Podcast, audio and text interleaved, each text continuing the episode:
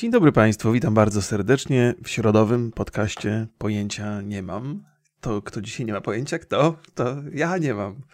Ja nie mam dzisiaj.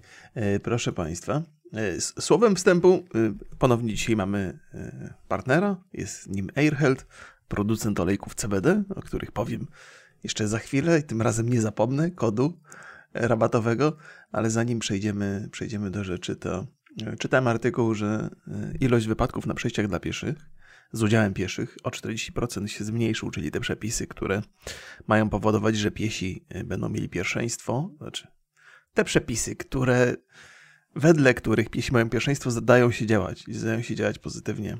No, kawki się napije. Mam wielki, gigantyczny kubek i podwójną kawę. Czyli nas, czyli kierowcy nie rozjeżdżają pieszych. Ja i po jednej i po drugiej stronie tej barykady stoję i faktycznie staram się za każdym razem zwracać uwagę na przejście dla pieszych i przepuszczać ludzi. Czasami, czasami mi się jednakowoż zapomni, bo tam gdzieś pieszego nie widać.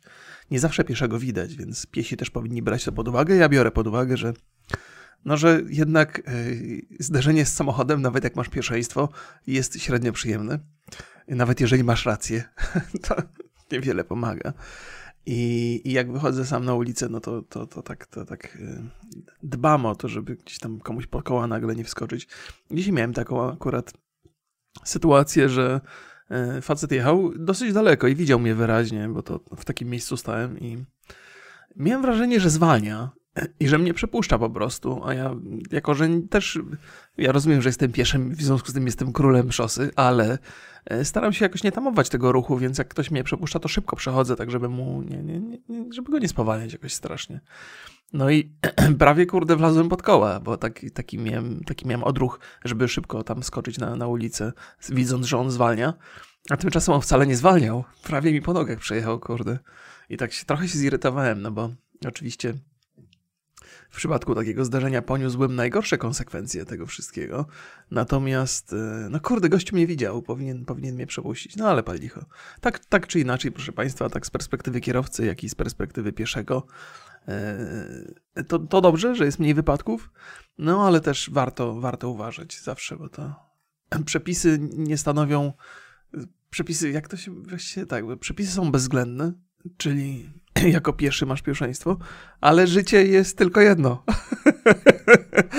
Więc to, to, to, to, to nie pójdziecie tam na górę e, do nieba może, a może gdzie indziej i nie powiecie, ale przecież miałem pierwszeństwo. No, niestety. No więc taka bezwzględność przepisów to jest jedna, rzeczywistość to jest drugie. Proszę Państwa, jakiś taki jest, jest to nietypowy czas taki powiedziałbym trochę pesymistycznie nacechowany. Ta sytuacja na granicy, o tym też będę opowiadał trochę dzisiaj. To jest jedna rzecz, ona jest trudna na pewno i dla polskiego rządu, i dla ludzi, którzy mają skłonności do współczucia, i przede wszystkim dla ludzi, którzy są tam na tej granicy. Natomiast to, co mnie, to, co mnie totalnie dołuje, tak trochę mnie dołuje, to reakcje ludzi w internecie. Wiadomo, że internet potrafi być brutalny bardzo i głosy ekstremalne często są słyszane bardzo, bardzo wyraźnie, ale jak się zdarzy taka sytuacja, że ktoś tam publicznie albo w jakimś wpisie wyrazi jakieś współczucie, wpisie, wpis, mam na myśli wpis, a nie w partii PiS, tylko wpisie, we wpisie w internecie, wyrazi jakieś współczucie wobec ludzi, którzy tam koczują na granicy, i są przepychani w jedną albo w drugą stronę, to spotyka się z falą bardzo. No, z falą hejtu się spotyka i do takiego bardzo brutalnego, wulgarnego niezwykle. I, I, myślę sobie, że no to jest taki. Zawsze powinniśmy patrzeć na sprawy z ludzkiego punktu widzenia. E, no ale dobra, to o tym, o tym jeszcze Państwu opowiem, bo tam kilka mam przemyśleń w związku z tym. E, ta taka aktorka, ona się Szatan nazywa? Szatan? Teraz ją wpiszę. Wpiszę Szatan.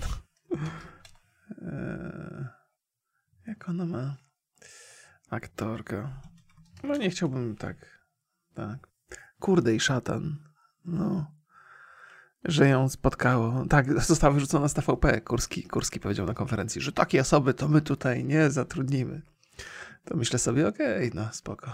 W sensie takim, że takich rzeczy się na konferencji nie załatwia. No, ale to no, Taka władza, no. Tam nikt od nich nie wymaga jakiegoś tam poziomu za bardzo. To nie o to chodzi. W sensie, okej, okay, no różne władze oferują różne, różne wizerunki swoje. No. Ta obecna władza to taki e, stąpanie delikatnie po, po, po gruncie y, kultury i polityki to nie, nie, nie, nie, to nie w ich wykonaniu. Nie. Ja nie mówię tutaj po to, żeby krytykować. Od, znaczy, może trochę krytykować. Ja tam lubię, jak ludzie są kulturalni i pewne rzeczy się załatwia w kuluarach, a nie nieoficjalnie. Prosto z mostu, tak trochę. Ale, ale palicho, może tak jest lepiej. Nieważne, nie mi oceniać.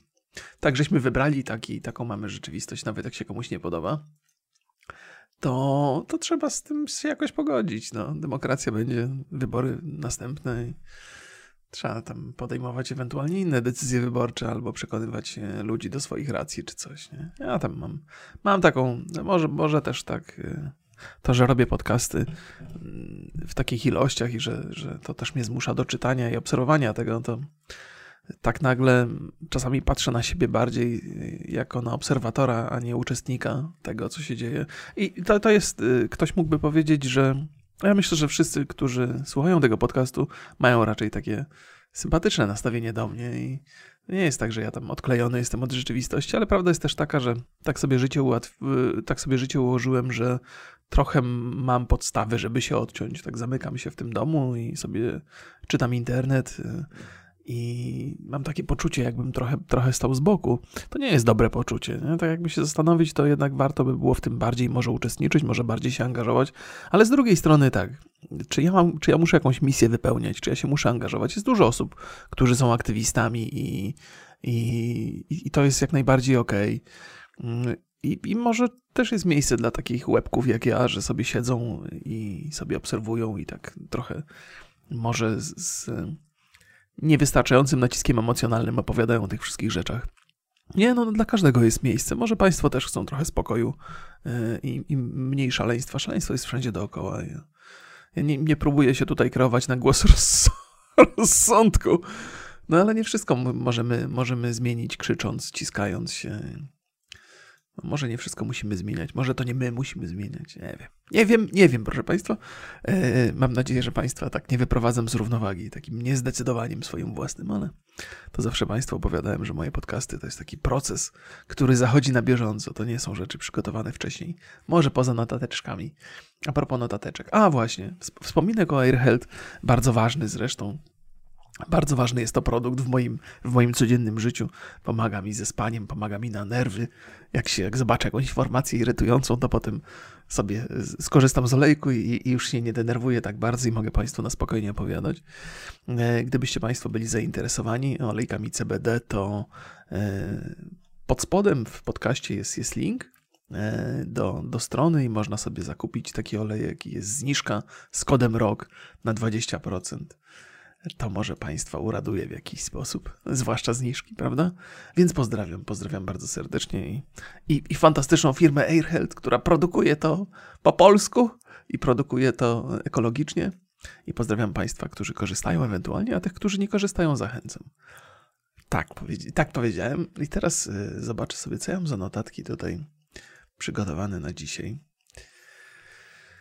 Czy, czy trochę optymizmu gdzieś tu się przydarzy? Tak, oczywiście, że tak, proszę Państwa. Chociaż dzisiejsze wiadomości takie są, tak, tak patrzę. Dzisiaj, dzisiaj jak słuchałem BBC, to mówię, o kurde, tu źle, tam niedobrze, tam znowu jakieś zamachy. Daleko na szczęście e, od nas. Co my tutaj mamy? Nie, nie mamy jakichś takich. Codziennie chodzę, jak codziennie chodzę na spacery, to robię zdjęcie z, z tych spacerów w jednym takim bardzo konkretnym miejscu. I do tej pory miałem problem, bo nie mogłem wykadrować tego. Za każdym razem oczywiście staję w takim samym bardzo charakterystycznym punkcie. I za każdym razem chciałem robić to zdjęcie, żeby było podobne, bliźniaczo praktycznie do poprzedniego, ale za każdym razem jakoś inaczej ustawiałem. Nie mogłem złapać tej symetrii na telefonie, nie wiem. Ale okazało się, że, że to oczywiście nie jest żadne odkrycie, że można sobie ustawić te, te takie linie e, na, na, wyświetlane na obrazie podczas robienia zdjęć. Jak już sobie wyświetliłem te linie, od dwóch dni już mi łatwiej centrować tą fotkę.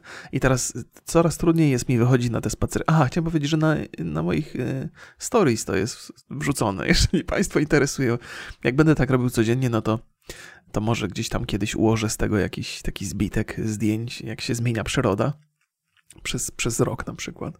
To byłoby fajne. Więc tam ta fotka mnie motywuje, żeby wychodzić ciągle na te spacery. Natomiast temperatura mnie w żadnym razie nie motywuje. Za każdym razem wstaję, idę do samochodu, zawożę moją córkę do, do przedszkola i mówię, Jezu, zimno, może lepiej nie dzisiaj, może jeszcze się przeziębisz, biedaku.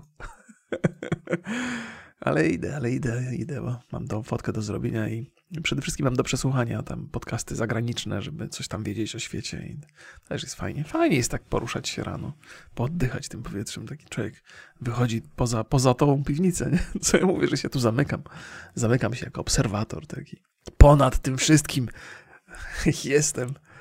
Nie, nie da się być ponad tym wszystkim. Tak czasami fajnie sobie pomyśleć, że ja pamiętam, że jak byłem młodszy, to dużo rzeczy, które się działy nie tylko w Polsce, ale na świecie, mnie, mnie wyprowadzały z równowagi, triggerowały mnie. Yy, jako, że mamy tą skłonność do oceniania rzeczywistości przez pryzmat własnych przeżyć i doświadczeń, to jestem prawie przekonany, że ta skłonność do triggerowania to jest jednak objaw młodego człowieka, że, że ta, ta, ta, ten mój taki trochę stoicki spokój dzisiaj to raczej wynika z tego, że coś tam już parę lat przeżyłem i różne rzeczy widziałem, paru doświadczyłem. E, I, I tak jakoś spokojnie się do tego podchodzi. Nie wiem, czy to jest kwestia wieku. Chyba, chyba tak. Chyba tak, nie wiem. Zawsze, zawsze tak było. Nie, żeby wszystko było jasne, nie? Ja tu muszę trochę wrócić na, na, na normalne tory. Ja ciągle się mam za młodego człowieka i, i chociaż to może też na wyrost. E, w sensie, że pewnie, że są jakieś takie różne etapy. Zastanawiam się, co będzie za 10-15 lat, jak będę patrzył na rzeczywistość. Dzisiaj mam takie zapotrzebowanie na spokój, na ocenianie tego wszystkiego tak trochę na chłodno, na zimno, e, żeby się niepotrzebnie nie denerwować. Bo i po co, bo i po co, nie? No. I wydaje mi się, że to jest dzisiaj łatwiejsze niż jak byłem młodszy. Nie wiem, jak to u Państwa jest. Moja żona sobie zainstalowała znowu telewizję, tym razem przy użyciu internetu i już ogląda te wiadomości, już, już jest trochę bardziej spięta. Już widzę, widzę to po niej. I tak hmm, już mnie o, o to, żebym jej telewizję zainstalował tutaj, prosiła mnie o to już tak z pół roku. Ja to odkładałem, odkładałem, bo tak trochę z jednej, tak to trochę samolubstwo z mojej strony, taki egoizm, że po pierwsze fajnie mieć żonę, która jest spokojna i się nie irytuje z jakiegoś powodu zewnętrznego totalnie. Po drugie, ja i tak mam dostęp do wiadomości, bo słucham sobie podcastów e, e, z zagranicznych serwisów, więc mówię, po co mam na nasze gospodarstwo domowe wprowadzać tą niepotrzebną irytację jak się będą niepotrzebnie irytować, to będę musiał się dzielić moim olejkiem CBD i szybciej mi się skończy. Dobre? Dobre? Dobra wzmianka o, o, o partnerze dzisiejszego e, tego podcastu? Myślę, że dobra. No, ale już teraz mnie zmusiła, no już widzę, już widzę, że, że, że trochę przeżywa bardziej te rzeczy. To też a propos, bardzo dużo się mówi o tych, o tych rzeczach z, z, na, na granicy które się wydarzają. Ktoś się na mnie zdenerwował, napisał mi maila, że ja jestem rasistą wśród psów. to mnie rozbawiło oczywiście z poczuciem humoru. I że powinniśmy kochać wszystkie psy, nie tylko takie, które są ładne. No ja przepraszam bardzo, ja to, tam zawsze uważam, że po pierwsze to żarty są, bo, bo każdą jednostkę, włącznie z psami, to traktować należy indywidualnie. Chociaż nie, nie, nie lubię tych małych skorczybyków szczuropodobnych, no tak jakby z naturalnego... Yy taki, no, taki, może to jest moje, moja wada, że ja nie wszystkie psy traktuję identycznie. Może jestem faktycznie rasistą wśród psów. No mnie, że, że, że, irytują mnie te małe szczekacze takie, no ale to przecież mam prawo, to nie jest tak, że ja muszę kochać wszystkie psy od razu, no dzień dobry, proszę się nie denerwować że, że to tak. No oczywiście, że powinniśmy być tacy e, super fajni i, i darzyć się zaufaniem i kochać się nawzajem tak na pierwszy rzut oka, żeby, żeby nie oceniać, ale no jesteśmy ludźmi. Ja tam czasami daję e, to paskudne oblicze mojej ludzkiej natury tutaj się odnajduje w tym podcaście, no bo jak się mówi tak długo i tak dużo, to no zawsze no człowieka, cała prawda z człowieka wypłynie. Więc tak, przyznaję się, te małe szkaradne psy, co szczekają na człowieka, to nie, nie, nie wzbudzają mojej sympatii niestety. Więc tak, jestem, jestem rasistą wśród psów. Ale zresztą chyba, chyba z psami jest podobnie jak z ludźmi, że są takie psy, które są sympatyczne i są takie, które są mniej sympatyczne. No? Więc myślę, że mam prawo, mam prawo e, nie, nie lubić jakichś tam albo nie przepadać za czymś. Przecież nikomu to krzywdy nie robi wielkiej, prawda? Ale tak też odpisałem żartobliwie na to. na ten, na ten mail. Ja dziękuję Państwu za, za wszystkie maile, nawet takie zbulwersowane trochę. E, tak zbulwersowane oczywiście w ramach poczucia humoru. To zawsze można trochę e, ocenić swoją postawę z, z delikatnej perspektywy. To co, proszę Państwa? O, Jezu, jeszcze, jeszcze jedne takie wiadomości. Coś tam z, z, jest taki aktor, Sztur się nazywa, ja go bardzo lubię, bardzo lubiłem e, młodego sztura i starego sztura. Teraz, Boże, żeby Marcin Sztur, tak? Boże, Maciej Sztur. Ja pierniczę, ja mam zawsze taki...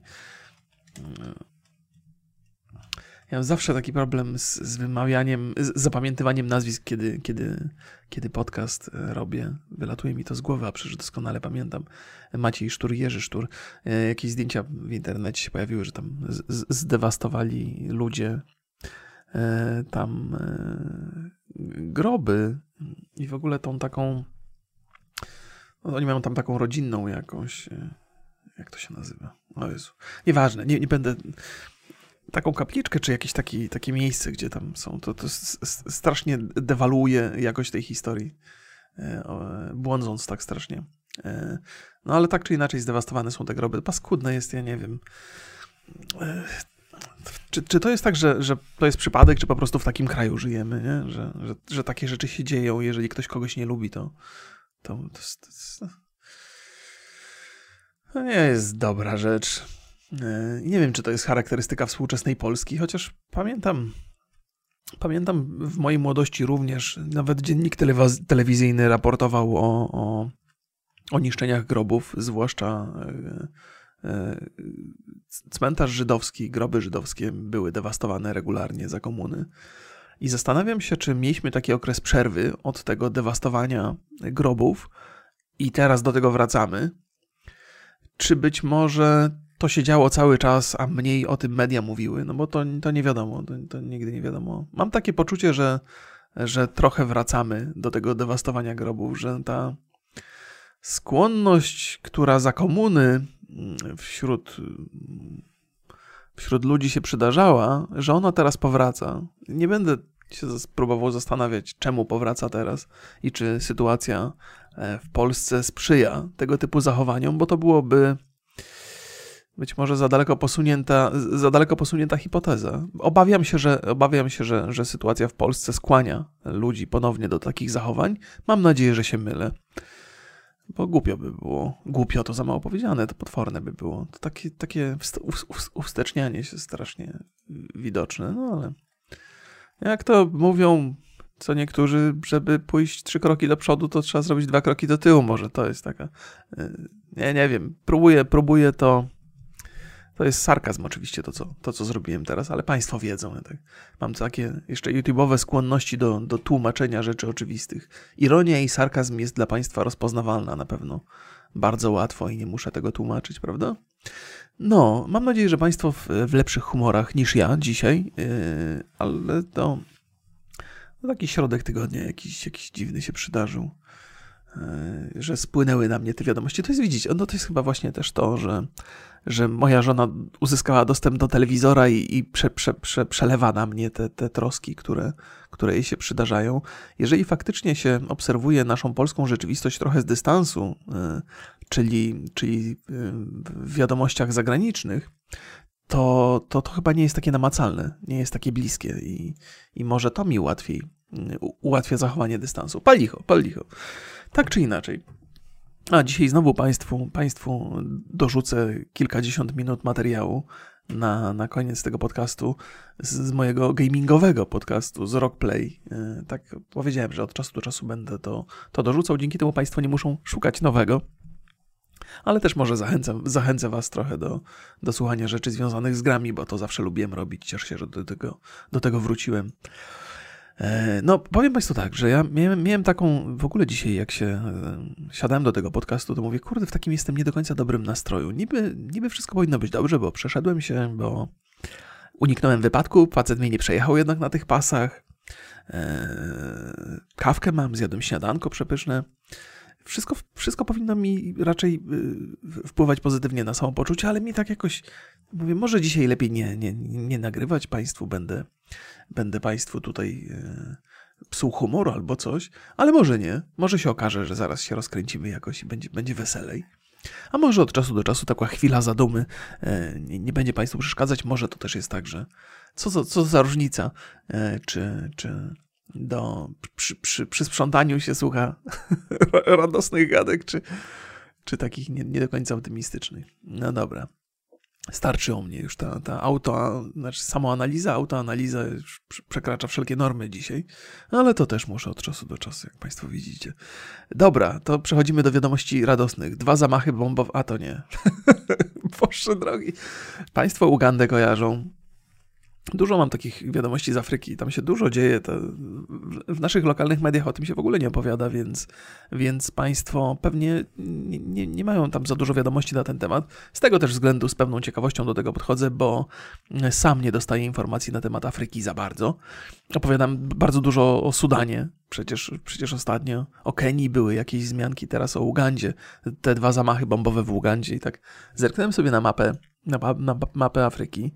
To też przy, przy, okazji geograficznie się dokształcam. E, Uganda jest tam w, w Afryce Środkowej, mm, e, tak trochę w okolicach e, wschodniej części, środkowo-wschodnia część, część Afryki. Graniczą z Kongo, z Kenią, z, z Sudanem Południowym, Rwandą, Tanzanią. O takie państewko sobie tutaj przy, przy, przy, przy jeziorze Wiktoria. To jest takie wielkie jezioro w Afryce. Więc geograficznie chyba nie najgorzej tam, ale wyobraźcie sobie, że tam też jest państwo islamskie. Tak, tak patrzę sobie na, na położenie e, Afganistanu, Pakistanu, bo w Pakistanie też się tam zdarzają takie akcje. Mówię, kurde, daleko. Okazuje się, że to jest państwo islamskie e, Afryki Środkowej i tam też robią zamachy nie sądziłem, że aż tak daleko sięgają ręce tego, tego państwa islamskiego. Ale to chyba nie chodzi o ręce państwa islamskiego, tylko ideę, która, która za tym stoi. Najwyraźniej są ludzie na świecie, w Afryce także, którzy tę ideę wspierają albo chcą, żeby była wspierana. No i dochodzi do zamachów takich. Już, już co, coraz zresztą więcej tych zamachów tam jest. Więc proszę Państwa, Uganda e, też się zmaga ze swoimi problemami i nie są to tradycyjne afrykańskie problemy jak na przykład w Etiopii e, czy w Sudanie. E, a to jeszcze nie wszystko, jeżeli chodzi o Afrykę. Co tam jeszcze było? Jeszcze jedno takie, takie miejsce związane z Afryką, ale to może. A to. A dobra, to, to potem sobie po to, o to sięgniemy. Proszę Państwa, e, przejdźmy dalej. Polskie granice z Białorusią. O Jezu, jest ten temat. E, tam w stronę policji rzucane są kamienie i cegłówki. No i walczą ci, ci ludzie o to, żeby się przedostać przez tą granicę. Próbują przewracać te, te, te, kol, te, te, te druty kolczaste. Z drugiej strony Polacy ich tam atakują gazem łzawiącym, jakimiś granatami takimi e, ogłuszającymi. I, I, armatki wodne są. Armatki wodne to jest chyba najgorsze dziadostwo, jakie się może przytrafić tam, w tamtym miejscu, bo tam jest i tak kurewsko zimno. Jeszcze jak cię wodą zimną obleją, to, to, to może zabić jakby na dłuższą metę. E, I e, to, co ciekawe jest, w zagranicznych wiadomościach bardzo często się powtarza jeden, jedno bardzo znaczące zdanie, e, że, że Łukaszenko hmm, chyba nie ma odpowiednika polskiego wyrazu weaponize, czyli powoduje, jakby powoduje, że ci, ci, ci ludzie, emigranci, e, stają się bronią. E, są traktowani jak broń przez, przez Białoruś i w ten sposób też zaczynają być traktowani przez e, państwa Unii Europejskiej i przez NATO i na pewno przez dziennikarzy. Przestaje się o nich mówić przez pryzmat ludzkich problemów, a zaczyna się na nich patrzeć jak na broń. I w związku z tym, że się patrzy na nich jak na broń, to łatwiej jest zaakceptować to, w jak tragicznej sytuacji się znaleźli i że nie mają żadnej pomocy. Znaczy, ludzie próbują pomagać, ale to są jednostkowe przypadki, to są jakieś małe ugrupowania. Wyobraźcie sobie, gdyby doszło do takiej sytuacji w jakimś państwie, że jest jakaś, jakaś katastrofa gospodarcza, ekonomiczna, e, ludzie nie mają e, jedzenia, nie mają, e, mają zimno, zaczynają umierać z wychłodzenia to, to jestem prawie pewien, że mnóstwo państw by się rzuciło z pomocą humanitarną. Natomiast kiedy znaleźliśmy się w takiej sytuacji, że duża grupa ludzi znalazła się między dwoma napierającymi na siebie siłami, właściwie one nie napierają na siebie, ale znaleźli się między młotem i kowadłem e, i no nie, ma, nie ma pomocy zewsząd, a jedyne co ich spotyka w, w, w takich w social mediach to nienawiść jakaś i niechęć jakaś taka okropna. I no oczywiście to jest tak, że, że nam się tutaj wygodnie żyje w miarę w, w, tym kraju i mamy szczęście, żeśmy się nie urodzili w posranym, w posranym miejscu, z którego trzeba uciekać z całą rodziną i możemy patrzeć trochę z góry na to wszystko, co tam się dzieje. Po to mamy państwo i po to mamy rząd, by mógł robić okropne rzeczy i my byśmy sobie, żebyśmy sobie rąk nie brudzili. Ale trzeba pamiętać o tym, że tam się dzieją okropne rzeczy i że to są zwyczajni ludzie. Pewnie wśród tych zwyczajnych ludzi zawsze się zdarzają jakieś jednostki, które mają złe intencje e, i, chcą zrobić coś złego, jak w każdej grupie ludzi. Mm, ale, ale no, jak się patrzy na, na, człowieka albo kobietę z dzieckiem, małym dzieckiem na rękach, gdzie tam temperatury sięgają 0 stopni, i oni nie mają gdzie spać, nie mają to, to są okropne obrazki. E, I, i, i właśnie, i to, to że, że dziennikarze zagraniczni tak często mówią o tych ludziach e, przez, przez ten. Mówią o nich jako o broni, to przestają ich traktować jak ludzi. Jakby cały ten proces, który, którego byłem świadkiem, bo od wielu, wielu dni słucham, słucham te, te wiadomości, jak one się zmieniają, coraz częściej mówi się o broni, natomiast nie mówi się o ludziach. I to jest chyba taki. Wydaje mi się, że to jest w ogóle e, jakiś psychologiczny proces, który z reguły jest charakterystyczny dla, e, dla człowieka, który znalazł się w ciężkiej sytuacji, ale wydaje mi się, że my jako społeczeństwo też próbujemy sobie znaleźć jakiś sposób na to, by radzić sobie z tym, że tuż pod naszymi drzwiami są ludzie, którzy cierpią, nie chcemy ich, im, im pomagać albo nie możemy im pomagać, albo mamy takie jakieś wrażenie, że gdybyśmy im pomogli, to coś złego by się wydarzyło w konsekwencji, więc im nie pomagamy i próbujemy sobie zbudować jakiś taki wizerunek tych ludzi, który pozwoli nam pogodzić się z faktem, że nie pomagamy. Czyli, że oni są bronią po prostu, więc y, to jest uzasadnienie, żeby im nie pomagać. I dziennikarze to robią cały czas i myślę, że oni też mają taką. Te, też są ludźmi. Wszyscy, wszyscy jesteśmy ludźmi. Nawet jak sobie myślę, o tych, o tych zdewastowanych grobach, to też to zrobili ludzie i oni mają jakąś mają filozofię i też pewnie mają takie przekonanie, że, że postępują dobrze. Jakby chcą postępować dobrze w ich mniemaniu, to co zrobili jest, y, jest, jest czymś, nie wiem, jakąś, jakimś manifestem. E, więc no to niby chcemy postępować dobrze, ale to, to niczego nie rozwiązuje tam przynajmniej na granicy. Nie wiem, jak to można. To jest, to jest ciężka, ciężka sytuacja oczywiście. Jak wiele, jak wiele zresztą.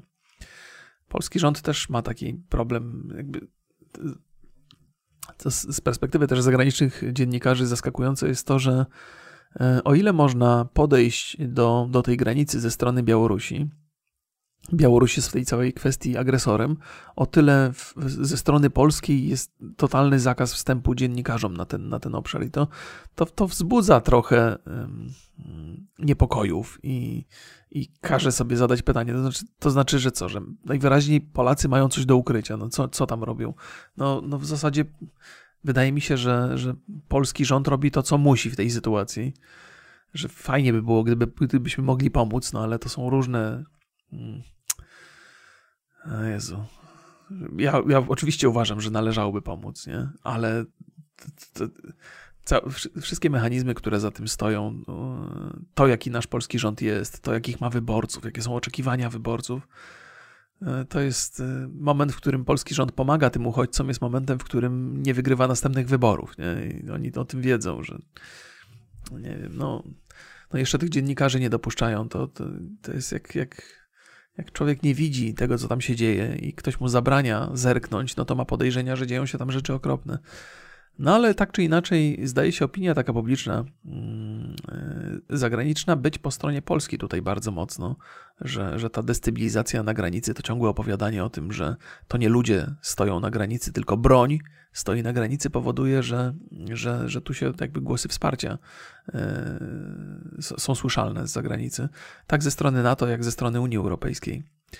E, I cały czas się toczy ta, ta dyskusja o tym, że, że jest zagrożenie, że Łukaszenko stwarza zagrożenie i kompletnie i, i wśród dziennikarzy, i wśród polityków pomija się ten temat ludzi, którzy tam są i tam umierają po prostu na, na naszych oczach.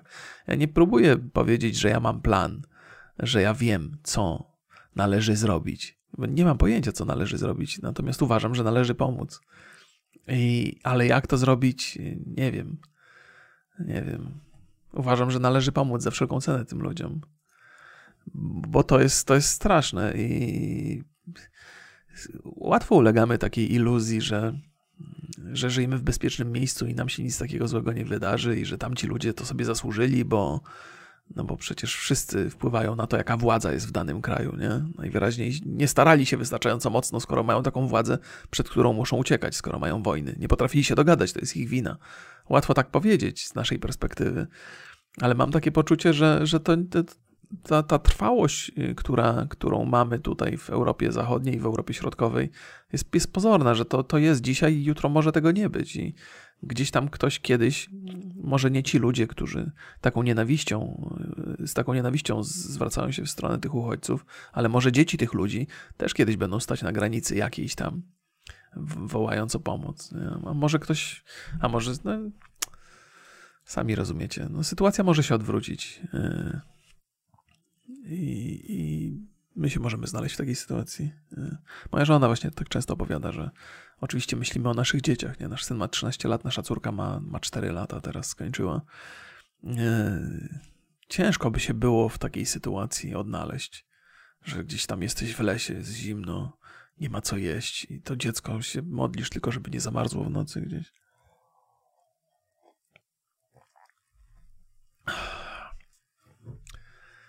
No, ale po to mamy władzę i po to mamy rząd, żebyśmy my nie musieli być za to odpowiedzialni. Czy, czy macie takie refleksje gdzieś tam, że, że nie wiem.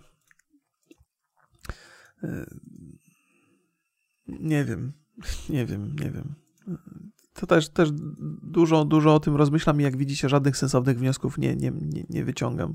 Dla mnie jest oczywiste, że należy pomagać, ale rozumiem, że sytuacja jest złożona e, w sposób niezrozumiały dla mnie, że ja nie, nie znam wszystkich niuansów. Nawet z takiego. Yy, przyjmijmy nawet, że, że intencje polskiego rządu są super szlachetne, że chcą robić dobrze, ale nie mogą. To też są pewnie jakieś argumenty, że nie mogą.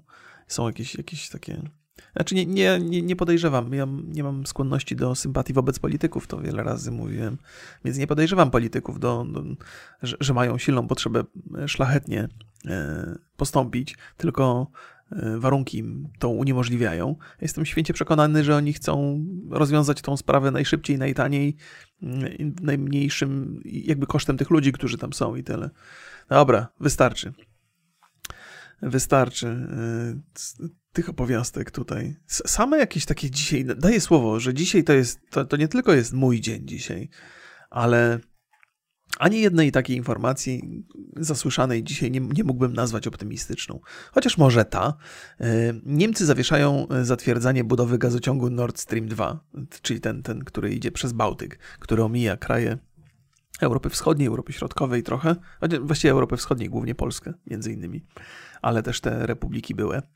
E, dzięki temu e, Rosjanie, to w ogóle ten, ten gazociąg jest, jest dużym, dużym problemem. Tam była cała masa e, ogromnych znaków zapytania w kwestii tego, jak Niemcy do tego podchodzili, kto zarządzał tą firmą. Były premier, były kanclerz Niemiec, też jakieś tam były kontrowersje związane z tym. To, to, to są lata oczywiście budowy tego, tego gazociągu i od dawna były tam jakieś, jakieś, jakieś zamieszania. Dzisiaj to, to wygląda tak obecnie. Jest to tylko tymczasowe. Oczywiście, że firma, która buduje, y, która, która dostarcza gaz, i która zarządza gazociągiem, to muszą być dwie osobne firmy. Natomiast wedle przepisów Unii Europejskiej, nie wiem z czego to wynika, może to są jakieś przepisy antymonopolistyczne, może jakieś inne, jeszcze może kwestie bezpieczeństwa. Natomiast w tej chwili ta firma, która która ma się zajmować samym gazociągiem, jeszcze nie jest do końca gotowa tak w sensie dosłownym, że jeszcze nie jest przygotowana na, na przejęcie e, tych, e, tych obowiązków. W związku z tym mm, zatwierdzenie tego, tego, tego gazociągu, czyli do, jakby mm, sprowadzenie go do użytkowania jeszcze jest niemożliwe. Ale to się lada moment, lada moment skończy. Mm, ale parę razy gdzieś tam jeszcze, jeszcze parę lat temu słyszałem o, że się o tym gazociągu mówiło w kontekście umowy słynnej z, z czasów II wojny, sprzed II wojny światowej, czyli o, mówię o pakcie Ribbentrop-Mołotow, że to jest dokładnie taki, że to jest ten schemat, tylko dotyczy trochę innych działań.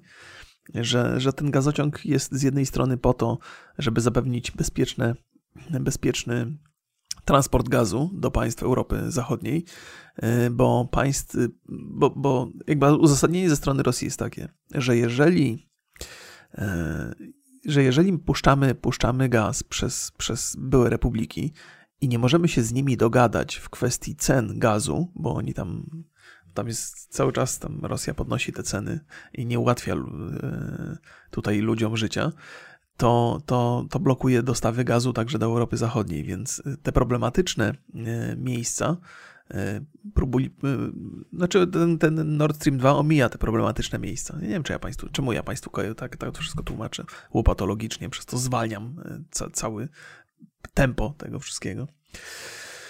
No więc to jest sposób na obejście tych, tych, tych byłych republik i no i oczywiście też obawa duża, że w związku z tym, że teraz już przepływ gazu przez pierwszy gazociąg nie jest taki istotny, to Rosja może jeszcze bardziej manipulować cenami. I tyle, nie? I, i, to, i to, i to dla, dlatego to przypomina właśnie ten pakt Ribbentrop-Mołotow, bo, bo Niemcy i Rosja się dogadali, będą sobie gaz dostarczać, a te pozostałe państwa, no to można nimi manipulować zupełnie swobodnie.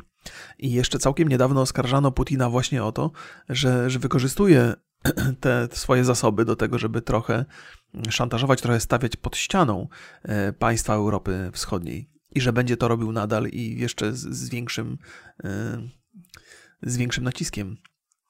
E, ale to niczego nie zmienia. No, to jest chwilowe zatrzymanie tego, te, tego gazociągu, ale to no, kilka miesięcy to jest nic w obliczu takiej dużej inwestycji. E, no. I to Niemcy zablokowali jakoś tam, ale to jakby Niemcy zablokowali, żeby być w zgodzie z przepisami Unii Europejskiej, więc, więc jak mówię, to jest tymczasowe, to nie jest jakaś. Właściwie spodziewałem się, że tam e, do Rosji pewne pretensje mieli ludzie podczas tego e, szczytu w Glasgow klimatycznego, że, że Rosja tam słabo się udziela i nie zamierza w ogóle się poddać jakimś zmianom. Mm, I myślałem sobie, że, że to, to będzie jakaś forma nacisku, ten gazociąg, ale nie wydaje mi się, chociaż taki zbieg okoliczności jakby był w tej kwestii. Kto wie, kto wie, może, może coś tam jest między wierszami napisane, czego nie wiemy i nie widzimy. Swoją drogą, jeszcze wracając do sytuacji na, na granicy, takie oskarżenia padają pod z, z, stronę Rosji, których się nie spodziewałem, że Rosja trochę motywuje, motywuje zachęca Białoruś do, do tego typu akcji z tym E, z tym wiem, uzbrajaniem emigrantów, w sensie uzbrajaniem, rozumiecie, w nawiązaniu do tego, co mówiłem, ponieważ sami przeprowadzają jakieś wojskowe akcje na granicy z Ukrainą bodajże.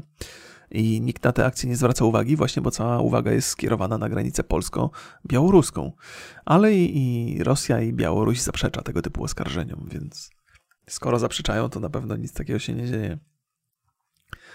Napięte relacje USA z Chinami, no to zawsze, zawsze, znaczy ostatnio były napięte. Swoją drogą, to już też kiedyś wspominałem. Ciekaw jestem, jak Putin takiego, z takiego e, przywódczego punktu widzenia na to patrzy, że do tej pory zawsze po jednej stronie osi była Rosja, po drugiej stronie była Ameryka, a teraz Rosji już w zasadzie nie ma tam. Są Chiny i Ameryka. To są, to są główne mocarstwa i Rosja tak próbuje, no nie wiem, nie wiem, nie ma, nie ma takiego znaczenia. Nie wiem, zastanawiam się, takie imperialistyczne zapędy chyba e, Rosja zawsze miała. Imperialistyczne to jest dobry wyraz? E, chyba cała władza, którą Putin sprawuje, opiera się na tym, że, że Rosjanie przynajmniej na swój kraj patrzą jako na mocarstwo, jako na miejsce, z którym cały świat musi się liczyć. I wydaje mi się, że ta pozycja Rosji słabnie znacząco w ostatnich latach. I ciekaw jestem, co sam Putin na ten temat myśli. Czy postrzega to jako zagrożenie dla swojej władzy i w ogóle dla pozycji Rosji na świecie? Czy też ma to w nosie i, i, ten, i sobie obserwuje na spokojnie sytuację ze swojej piwnicy. Trudno powiedzieć. Tak czy inaczej, Xi, Xi, Xi Jinping, Xi Jinping, on się tak, Xi Jinping, e, czyli, czyli ten prezydent e, chiński, prezydent czy premier, nie wiem jakie oni mają tam stanowisko. Rozmawiali z, z Bidenem przez trzy godziny o różnych rzeczach, o kooperacji między krajami. Nie wiem, co tam z tej rozmowy miałoby wyniknąć, bo Biden po rozmowie powiedział, że no to mówili, że mają swoje standardy e, Amerykanie i jeżeli chcą Chińczycy, Chińczycy z nimi współpracować, to muszą te standardy przestrzegać.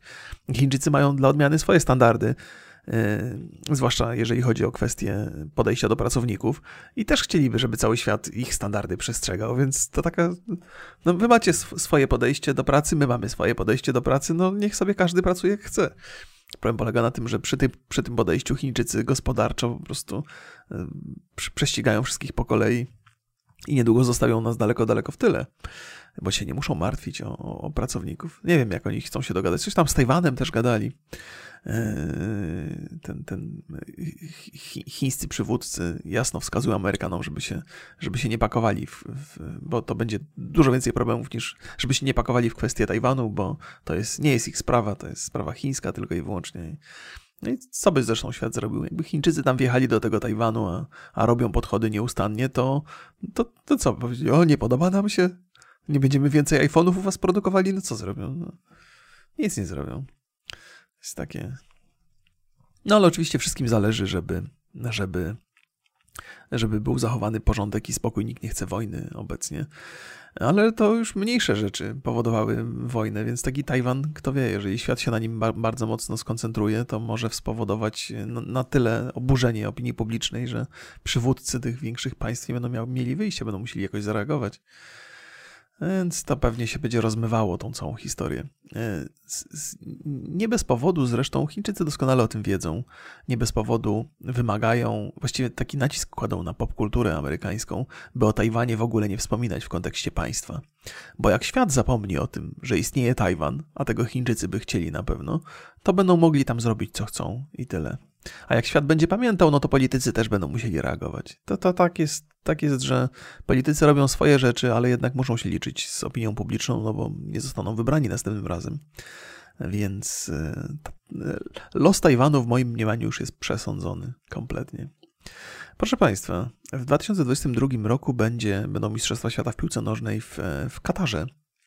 I Katar wydał miliardy, miliardy dolarów na produkcję tych wszystkich, tej całej infrastruktury związanej ze sportem. Jak dzisiaj patrzę, to dobrze, że w Polsce były na jakieś euro, żeśmy robili tą infrastrukturę, to człowiek trochę mm, nabiera pewnej perspektywy takiej bardzo osobistej, jak wygląda, jak wygląda budowanie tych rzeczy i jak są wykorzystywane te wszystkie obiekty. We Wrocławiu jest jeden stadion, piękny zresztą stadion i on chyba ma duże problemy, bo nie sposób go wykorzystać w sposób sensowny bo i sport nie jest tam uskuteczniany zbyt często i wydarzenia jakieś takie artystyczne też się nie zdarzają wystarczająco często. Wrocław jest cudownym miastem, ale nie aż takim super atrakcyjnym najwyraźniej. I to jest jeden wielki problem finansowy dzisiaj. I z jednej strony, kiedy się rozpoczyna rozbudowę tej całej infrastruktury, no to jest spory optymizm, bo z jednej strony wydaje się pieniądze, ale są miejsca pracy, się buduje drogi, e, buduje się te stadiony, buduje się parkingi, dojazdy, zmienia się tam logistykę w mieście, często na korzyść, ale bardzo też często zdarza się, że pozostaje taki ślad, który, z którym nie wiadomo co zrobić i który tylko generuje koszty później. Ale ja się cieszę, że ten stadion powstał w Wrocławiu. Mam nadzieję, że przetrwa w stanie nienaruszonym. Zdaje się, że, że mm, bo my żeśmy wtedy z Ukrainą mieli tak pół na pół te, te euro i te obiekty na Ukrainie w totalnym są e, rozpadzie. Nikt z nich nie korzysta już teraz obecnie, nikt o nie nie dba, nikt nie ma pieniędzy, więc stoją takie pomniki e, radosnych inwestycji. I to, to jest ciekawe, bo wtedy pamiętam, jak były te inwestycje w Polsce, to było dużo dyskusji na ten temat, ale ogólnie poczucie było takie, że to jest dobra, dobra rzecz, że to Polskę stawia w ważnym miejscu na, na mapie Europy, że te inwestycje będą, że, że to jest okazja zawsze do tego, dla tego kraju, żeby, żeby trochę skorzystać, żeby, żeby świat spojrzał na. Nie wiem, nie wiem, jaka to jest długoterminowa korzyść, no, że turyści będą przyjeżdżać, że trudno powiedzieć, więc było dużo optymizmu w narodzie, kiedy, kiedy te, te prace e, ruszały. I, no, I podejrzewam, że w Katarze jest dokładnie taka sama sytuacja, że Katar też ma, ma, ma silną potrzebę, żeby, żeby te inwestycje przeprowadzać, bo dostrzegają jakąś potencjalną korzyść. Nie wydaje mi się, żeby zawsze tą korzyść udało się zmonetyzować jakoś, bo Ukraina jest tego świetnym przykładem. No, niby jakaś korzyść była teoretyczna, ale nic z niej nie pozostało. W Polsce, no, w Polsce może trochę, trochę więcej zostało tych korzyści, ale, ale kto wie. E, tak czy inaczej, o tym Katarze opowiadam, bo, bo to jest interesujące oczywiście. Te wszelkie inwestycje, to, to się też wiąże z budowlanką całą. Natomiast tam w, w, i w Katarze, jak ja sobie umieszczę Katar na mapie, Qatar, Qatar na mapie świata. To jest taki, taki cypelek e, na Półwyspie Arabskim. E, malutki bardzo, jest teraz tak patrzę. E, I, i, I, tam w ogóle w tych krajach arabskich, tak samo zresztą jest w Arabii Saudyjskiej. E, z którą zresztą Katar graniczy, tam jest bardzo duży wyzysk pracowników, zwłaszcza takich pracowników, którzy, którzy gdzieś tam są emigrantami, czyli się zatrudnia ludzi i się ich eksploituje do bólu. To jest dzisiejszy dzień, proszę Państwa, to jest po prostu tylko sobie strzelić w kolano, daję słowo. E, I chyba rok temu zostały wprowadzone jakieś przepisy, które miały ograniczyć to wykorzystywanie pracowników, ale te przepisy nie do końca, znaczy bardzo łatwo jest je ominąć i pracodawcy omijają te przepisy i nadal tych pracowników wykorzystują w jakiś tam sposób potworny. Ja nie wiem, jak do końca to wygląda w Katarze, ale na przykład w Arabii Saudyjskiej było tak, że tym pracownikom wręcz się paszporty zabiera, że pieniądze, które zarabiają, ledwo starczają na przetrwanie i nie są w stanie jakby wykupić się. To jest totalnie, niewolnicza, totalnie niewolnicza robota. Jest takie współczesne niewolnictwo e, ukryte za pozorami jakiejś legalnej pracy. I, I, te kraje arabskie się w tym lubują najwyraźniej, no bo jak mówię, e, powiedzmy tak, że mam taką tezę, że Katar i Arabia Saudyjska to nie są jedyne kraje, w których się tak podchodzi do pracowników. E, I możecie ją obalać, jeżeli macie ochotę, ale, ale myślę, że myślę, że, że mam tutaj sporo racji. E, ponad 2 miliony osób pracuje w złych warunkach tam w tym Katarze, więc tam inwestycje są ogromne, ogromniaste są inwestycje, ale ludzie cierpią na tym. No może to jest też tak kwestia takich e, państw rozwijających się. Ostatnio w kontekście tego szczytu w Glasgow COP26 e, opowiadałem o tym, że jest bardzo duża różnica między tym, jak podchodzą do ekologii państwa rozwi rozwinięte i państwa rozwijające się. Rozwinięte mogą mieć pewną swobodę, łatwiej jest im przejść na zdrowe pozyskiwanie energii. Państwa rozwijające się, no niestety nie mają takich, takiego luksusu i potrzebują znacznie większych inwestycji, żeby, żeby kompletnie przeskoczyć pewien etap w, w rozwoju, czyli przeskoczyć ten etap zanieczyszczania i przejść od razu do, do tego etapu korzystania z czystych źródeł energii. To nie jest, to nie, to nie jest wykonalne bez, bez ogromnych, gigantycznych inwestycji, ale to też jest kwestia nie tylko e, tego, jak, jak gospodarczo jest państwo rozwinięte, ale też tego, jak kulturowo jest rozwinięte. I, I, dlatego w takich miejscach jak Sudan, takich miejscach jak e, wspomniana dzisiaj Uganda, dzieją się rzeczy mm, okropne. W Birmie też zresztą. Birma to też jest takie miejsce, gdzie doszło do przewrotu wojskowego, że tam ciągle mamy do czynienia z takimi miejscami, że siła fizyczna może zadecydować o kompletnej zmianie władzy. To się wydarzyło w Sudanie. W Sudanie mieli demokrację przez dwa lata.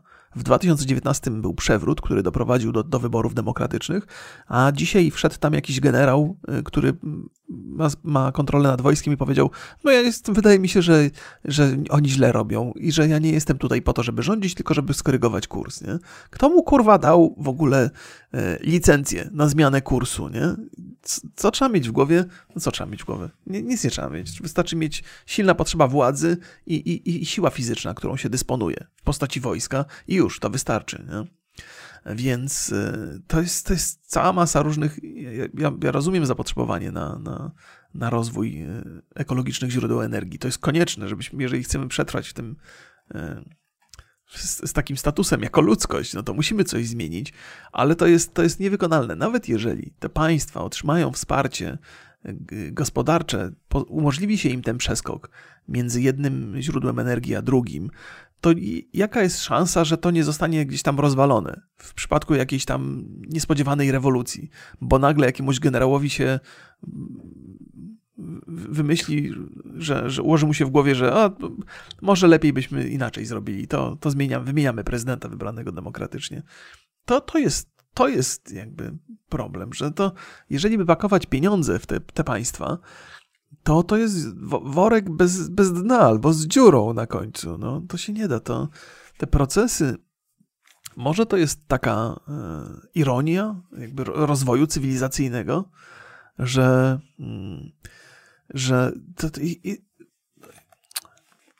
że ilość zanieczyszczeń, które, które są konieczne byśmy się cywilizacyjnie wynieśli, w sensie, żebyśmy zostali wyniesieni jako ludzkość, ilość zanieczyszczeń jest tak duża, że nas zniszczy, zanim zdążymy tego do wyniesienia, e, zanim dożyjemy do tego wyniesienia, doświadczyć, zanim zdążymy tego wyniesienia doświadczyć. Paradoks, paradoks może, może nie paradoks. Ironia, ironia losu. E, że teoretycznie mam takie poczucie, że ludzkość zmierza w dobrą stronę. Czasami popełniamy błędy gdzieś po drodze, ale gdybyśmy mieli czas na to, to, to byśmy pewnie za ileś set lat e, mogli z dumą nazywać się ludźmi. Ale właśnie ta, ta, ta, ta energetyka, to wszystko, co jest potrzebne w tym rozwoju, może nas załatwić, wykończyć nas może. To, to co mówi Elon Musk, że musimy szukać innych, alternatywnych miejsc, w których ludzkość mogłaby zamieszkać, bo ratowanie planety to jest rzecz, która jest ważna i trzeba ją przeprowadzać, ale trzeba zadbać o to, żebyśmy, żebyśmy mogli przetrwać gdzieś.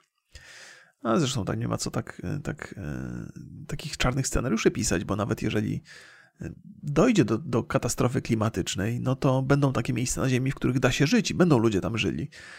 Pewnie nas ubędzie znacznie. Mocno nas ubędzie, ale, ale, ale przetrwamy, przetrwamy. No ale jak przetrwamy? Przetrwamy. Zobaczymy. Może zapomnimy to wszystko, czego żeśmy się nauczyli. Ten rozwój technologiczny szlak trafi. Rozwój kulturowy szlak trafi. Cofniemy się do średniowiecza albo jeszcze dalej. Czas pokaże. Czas pokaże. Tak czy inaczej, ludzkość, proszę Państwa, nie ma łatwo. nie ma łatwo. Możemy sobie siedzieć w internecie, możemy sobie rozmawiać przez mikrofon, możemy sobie robić dużo fajnych rzeczy. E, ale no, jest dużo zagrożeń też. Proszę Państwa, czy Państwo doceniają wieś e, i życie na wsi i oddychanie świeżym powietrzem? Okazuje się, że, że jeżeli tak, to, to, to należycie do nielicznych. Chociaż wydaje mi się, że sentyment, jeżeli chodzi o wieś, to wiele osób ma i myślę, że też dużo osób ma takie myślenie, że tak jak moi rodzice zresztą, że mieszkają w mieście, a potem na starość się przeprowadzą na wieś i tam będą sobie żyli i będą mogli się cieszyć naturą. Y, I jest w tym dużo racji, natomiast silne zapotrzebowanie na mm, pracę i życie w dużych miastach wśród młodych ludzi jest niezaprzeczalne. I to powoduje, że te małe miasteczka i, i wsie są wyludniane w sposób drastyczny, że praca, która jest w miastach i i no jest, jest na tyle atrakcyjna, że, że, że ludzie wyjeżdżają ze wsi. W Polsce to się pewnie dzieje, ale dzisiaj będziemy mówili o Francji. E, we Francji jest taki problem, że te, te wioski są wyludniane i do tego stopnia, że są traktowane wręcz jako coś, co już jest skazane na zagładę, więc państwo też niespecjalnie wspiera te miejsca. Jest taki burmistrz e, miasta francuskiego, się nazywa Jacques coś tam, nie będę nawet tego próbował, e, próbował mm, wymawiać. Oni tam w tym miasteczku chyba 140 osób mieszka, znaczy w tej wiosce i on postanowił tą wioskę e, otoczyć płotem, przynajmniej tak w cudzysłowie, tam główna droga wjazdowa ma, po, postawił tam e, bramę, którą można zamknąć, jest też budka nie wiem, czy w tej budce jakiś strażnik siedzi, czy nie. I są też paszporty, i on po postanowił, że to państwo, w związku z tym, że państwo w ogóle się nie interesuje jego wsią, to, o, to ta wieś będzie niezależna. Ogła ogłasza niezależność, no bo i tak żadnego pożytku z tego, e, że, że, że, że, że jest częścią Francji nie ma, więc po co ma być? Ale to oczywiście jest e, jest tylko gest po to, żeby zwrócić uwagę na sytuację tych, tych wiosek i, i jakby rozumiem, że ci ludzie, którzy tam mieszkają, cieszą się z tego miejsca i uważają je za cudowne i chcieliby, żeby to miasto, to miejsce przetrwało, ale prawda jest też taka, że tam była taka rozmowa z mieszkańcami tej wioski. Artystka jakaś, która przeprowadziła się z mężem z Hongkongu, w Hongkongu mieszkali, czyli w dużym mieście i mieli taką silną potrzebę, żeby żyć trochę, trochę na niższym poziomie niż w Hongkongu, ale oddać się jakimś pasjom, tam coś malują, jakieś obrazy, takie, taka trochę emerytura już. E, I dużo osób myśli właśnie w, w, tym kontekście o tych, o tych małych wioskach, a nie da się utrzymać miejscowości, jeżeli tam mieszkają sami emeryci, bo ludzie w wieku produkcyjnym wyjeżdżają do miast. I pomyślałem sobie, tak myślę od ostatnich dwóch, trzech lat, właściwie od dwóch lat, bo od czasu pandemii, że pandemia i to, że tak wiele pracy przeniosło się do internetu, może spowodować trochę migracji ludzi albo emigracji ludzi z miast do, do takich mniejszych miejscowości. Jeżeli możesz pracować na jakimś totalnym odludziu, e, to dlaczego siedzieć w mieście i narażać się na ten tłum, na korki, na zanieczyszczenia, no i na covid ostatecznie.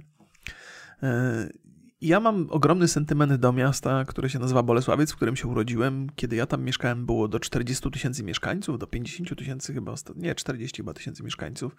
I oczywiście to jest sentyment, ja bardzo dobrze wspominam to miasto, chociaż dzisiaj za każdym razem jak tam przyjeżdżam, to, to widzę, że też są korki, też są oczywiście zanieczyszczenia, ale to jest, to, jest, to jest dobre miejsce, wszędzie można było dojść na piechotę, gdziekolwiek, czy baseny, czy, czy jakieś ośrodki sportowe.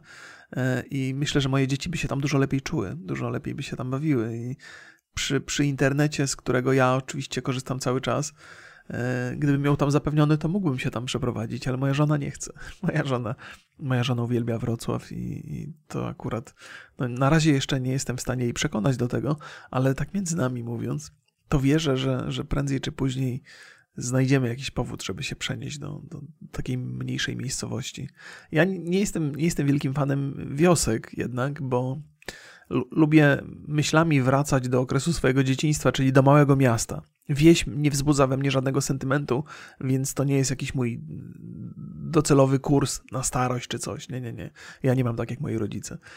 Moi rodzice, mój tato, moja mama pochodzą z, z, z małych miejscowości i, i, i tak widzą jakby swoje aktualne życie jako coś oczywistego. Nie? Ja, swoje, ja swoje życie późniejsze widzę raczej jako, jako mieszkańca małe, ma, małego miasta, takiego sympatycznego. E, no. I, ale, to, ale, ale wracając do, tego, do tej kwestii e, COVID-a i gwałtownego rozwoju miast, nie widać tej nie widać na razie tej skłonności. Jest sporo moich znajomych takich, którzy trochę, trochę blogują, takich, wiecie, znajomych z internetu, nie? którzy często wypowiadają się na ten temat, że w związku z tym, że internet już mają na odludziu, to wyjeżdżają bardzo często z miast i funkcjonują gdzieś tam poza miastami i tam pracują. Liczę na to, że, że takich ludzi będzie przybywać że, że dzisiaj oczywiście miejsce poza miastami odnajdują sobie ludzie, którzy pracują tylko i wyłącznie w internecie, bo dzisiaj nadal mamy ludzi, nawet jeżeli jesteś powiedzmy architektem, tak jak moja żona, i możesz robić projekty w domu, wysyłać je do klientów i w ogóle y, w jakiś sposób komunikować się z firmą przez, przez internet no to jednak Twoja obecność jest od czasu do czasu konieczna. Ludzie się przy, przyzwyczaili bardzo mocno do tych międzyludzkich kontaktów. One to też jakby z ludzkiego punktu widzenia jest bardzo, bardzo potrzebne. I na razie praca poza miastem nie, nie wchodzi w rachubę w większości zawodów, w znakomitej większości zawodów, ale liczę na to, że to się trochę, że trochę się rozejdzie, że trochę te miasta się tak, e, że, że, że, że przestaną tak rosnąć, ale to jest, wiecie, liczę na to, ale yy, ale to, to, to, to się nie musi przydarzyć, bo ciągle, ciągle młodzi ludzie walą drzwiami i oknami do miasta ciągle tu budownictwo jest, cały czas coś się buduje, cały czas coś się poprawia, nieustanne korki we Wrocławiu, bo, bo remonty to tu, to tam. E, teraz jest jakiś remont takiego, takiego placu we Wrocławiu zapowiedzieli. Nie pamiętam, jak się plac, plac nazywa, ale w centralnej części miasta. E, I jak to będzie zamknięte, to będzie już masakra kompletna. Narzekałem ostatnio na Wrocław, że jeżeli się podzieli Wrocław na północ i południe, to, między, to, to, to przejechanie z jednej strony na drugą graniczy dzisiaj z cudem, bo wszystkie drogi, które prowadzą z północy na południe i vice versa, są remontowane. E, I zawsze i cały czas mówię, co za debil to wymyślił, żeby, żeby to. Najgorsze w tych wszystkich remontach jest to, e, znaczy, myślę, co za debil to wymyślił, ale teraz zaczynam dostrzegać w tym jakiś szerszy plan. Może, mam nadzieję, że jest tam ten szerszy plan. Bo ja zawsze mam nadzieję jednak, że nawet jeżeli uważam, że jakieś decyzje są debilne, to mam nadzieję, że stoi za tym jakiś mądry pomysł, którego ja po prostu nie widzę, bo nie mam dostępu do wszystkich danych. Ale często się przekonuję, że jednak nie, debilny pomysł jest po prostu debilnym pomysłem i na pierwszy rzut oka, i na drugi, i na trzeci. Ale Eee, no, mówiłem o tych remontach. A, no właśnie, że przejeżdżasz przez to miasto wkurwiony strasznie, bo cały czas stoisz w korkach i widzisz e, zamknięte ulice, na których nic się nie dzieje. Totalnie. To znaczy nie ma żadnych ekip budowanych, nie ma, nie ma ludzi, którzy by tam coś robili. No nie, nie ma nikogo. W sensie nie, że stoją i palą fajki i stoi dziewięciu ziomków nad jedną łopatą. Nie, nie ma ich w ogóle. Nie rozumiem, jak to się odbywa, że zamykasz ulicę i możesz sobie pozwolić na to, żeby tam nikt nie pracował. Ja mam takie poczucie, że, że y, i tam regularnie nie pracował. To znaczy, tyle, tyle razy, ile przejeżdżam przez miasto, to na cztery remonty, na których, przez które, w okolicach których się przemieszczam, tylko w jednym miejscu pracuje jeden ziomek, a dziewięciu gości patrzy, jak on pracuje.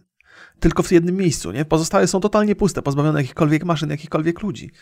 Że ja mam takie poczucie, że jeżeli robisz w newralgicznym miejscu, w mieście remont, to pakujesz tam wszystkie swoje siły robocze i oni od, od rana do wieczora, pewnie z, z, najlepiej ze zmianą na dzień i nockę, robią to w przeciągu tygodnia, kończą robotę i jadą na następny fragment. A nie, że się rozwala cztery przejazdy i na żadnym nic się nie dzieje, tylko te przejazdy są zamknięte. Ja nie wiem. Ale yy, oczywiście z takiej perspektywy kierowcy czy mieszkańca miasta, to się wydaje, że tak należy robić, ale zakładam, że stoją za tym przesłanki przeróżne, których nie rozumiem. Kwestie finansowe, kwestie tego, jakie firmy są obecne, e, kto wygrał przetarg, ile firm, firm wygrało ten przetarg, że nie da się tych wszystkich ludzi w jednym miejscu ustawić i niech robią. To jest na pewno złożone, ale czego bym oczekiwał od ludzi rządzących miastem. Oczekiwałbym tego, że rozwiążą te problemy i że jeżeli jest zamykana ulica, to ktoś od rana do wieczora tam pracuje, robi to jak najszybciej, otwiera ulicę i idzie na następną. Tego bym oczekiwał. A nie jakiejś to takiej totalnej rozwałki. Ale zakładam, że ten, ten, ten większy plan właśnie był taki, że robimy remonty tych tych przejazdów teraz, żeby potem móc zamknąć na spokojnie ten wielki plac. Bo jak teraz zamkną ten plac, a nie skończą tych remontów gównianych uliczek, to już nie wiem, co trzeba będzie samolotem lecieć z, Wrocław, z Wrocławia południe na, na Wrocław północ. E, I pewnie, I pewnie, jak znam życie, to do tego właśnie dojdzie. Znaczy nie, że nie będzie samolotów, po prostu trzeba będzie na piechotę chodzić, co też nie jest złe w moim przypadku. Proszę Państwa, czy ja się trochę rozkręciłem? Czy ja Państwu trochę poprawiłem samopoczucie pod koniec? Bo ja jakoś nigdy nie mam intencji takich, żeby, żeby Państwa zasmucać niepotrzebnie, ale. Yy, ale tak czasami jest. Czasami się złożą takie wiadomości, że, że człowieka trochę przy, przytyka. Yy, I, I też tak, wychodzę z takiego przeświadczenia, że lepiej trochę z Państwem posiedzieć, o, no właśnie, już wiem, już wiem czemu. czemu. Lepiej z Państwem trochę posiedzieć się podzielić tym i człowiek też trochę się y, naprostuje dzięki temu, bo już teraz mam trochę lepsze samopoczucie niż jak zaczynałem, bo zapominam o jednej bardzo ważnej rzeczy. Bardzo się cieszę zawsze, że Państwo oglądają i słuchają ten podcast. Słuchają, bo oglądać już nie ma gdzie. Y, ale, ale, ale żebym o tym nie zapominał, że to jest coś, co robię przede wszystkim dla siebie, że to jest moja osobista potrzeba y, taka żeby pogadać sobie o różnych rzeczach i, i to mi robi dobrze. I to jest taka moja terapia. Nie, żebym potrzebował. Nie, żebym potrzebował, ale, ale tak, żeby się wygadać. Nie? Jesteście Państwo moim osobistym psychologiem, co się nic nie odzywa, tylko siedzi sobie e, na krzesełku i pozwala się pacjentowi wygadać. I pozdrawiam Państwa bardzo serdecznie. Zapraszam oczywiście do do kolejnego segmentu za, za chwilę, e, segmentu gamingowego z kanału Rockplay, z podcastu Rockplay na, na Spotify'u i na YouTubie. E, przypominam również o cudownym e, wspierającym partnerze tego podcastu, czyli AirHealth, kod ROCK, żeby, żeby zniżkę mieć na, na, na produkty, olejki CBD, między innymi i, i, zachęcam Państwa do skorzystania i pozdrawiam bardzo serdecznie i odsyłam i, i, i zapraszam do, do tego wspomnianego następnego segmentu gamingowego. Trzymajcie się, całuski, pa, pa. Dzień dobry, witam Państwa bardzo, bardzo serdecznie w przeglądzie wiadomości. Dzisiaj mamy 16 listopada. Zanim zacznę, powiem Państwu, że e, docelowo ten program miał mieć około 20 do 30 maksymalnie minut długości. E, ostatnie odcinki są trochę dłuższe, nie dlatego, że, że chcę tak robić, tylko dlatego, że na razie inaczej nie potrafię, ponieważ e, jestem przyzwyczajony do podcastów, więc muszę to swoje gadulstwo ograniczać, co też zrobię we wstępie dzisiaj, czyli już kończę i przechodzę do rzeczy. Powiem tylko, że dzisiaj występuję w koszulce DICE, żeby podkreślić moje oddanie dla tej firmy, bo y, temu oddaniu może dzisiaj y, przeczyć opluwanie Battlefielda, z którym być może się za chwilę spotkamy. Ale proszę Państwa, do rzeczy, do rzeczy. Od czego dzisiaj zaczniemy? Zaczniemy sobie dzisiaj od, od, od Far Cry'a, od Ubisoftu.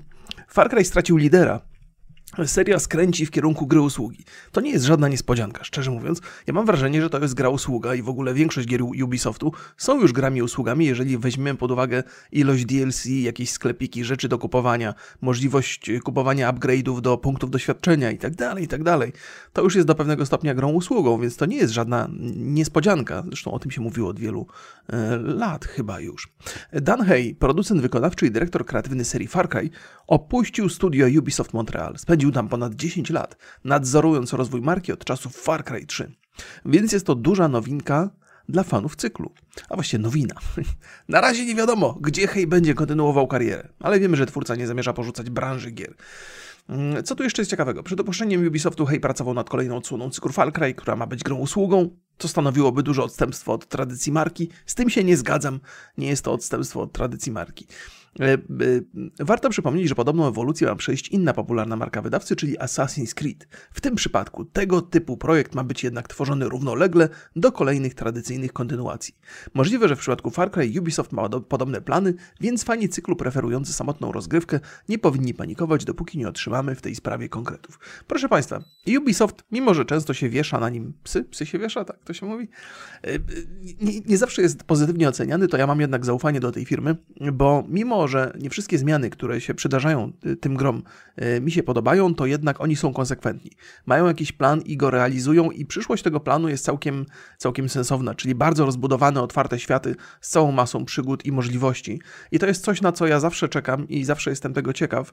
Mm, więc ta ewolucja, która tutaj następuje, do pewnego stopnia mi się podoba, chociaż kroki, jakie są wykonywane w tej ewolucji, nie zawsze mi pasują. Ale dostrzegam jakiś cel, który może być dla nas atrakcyjny.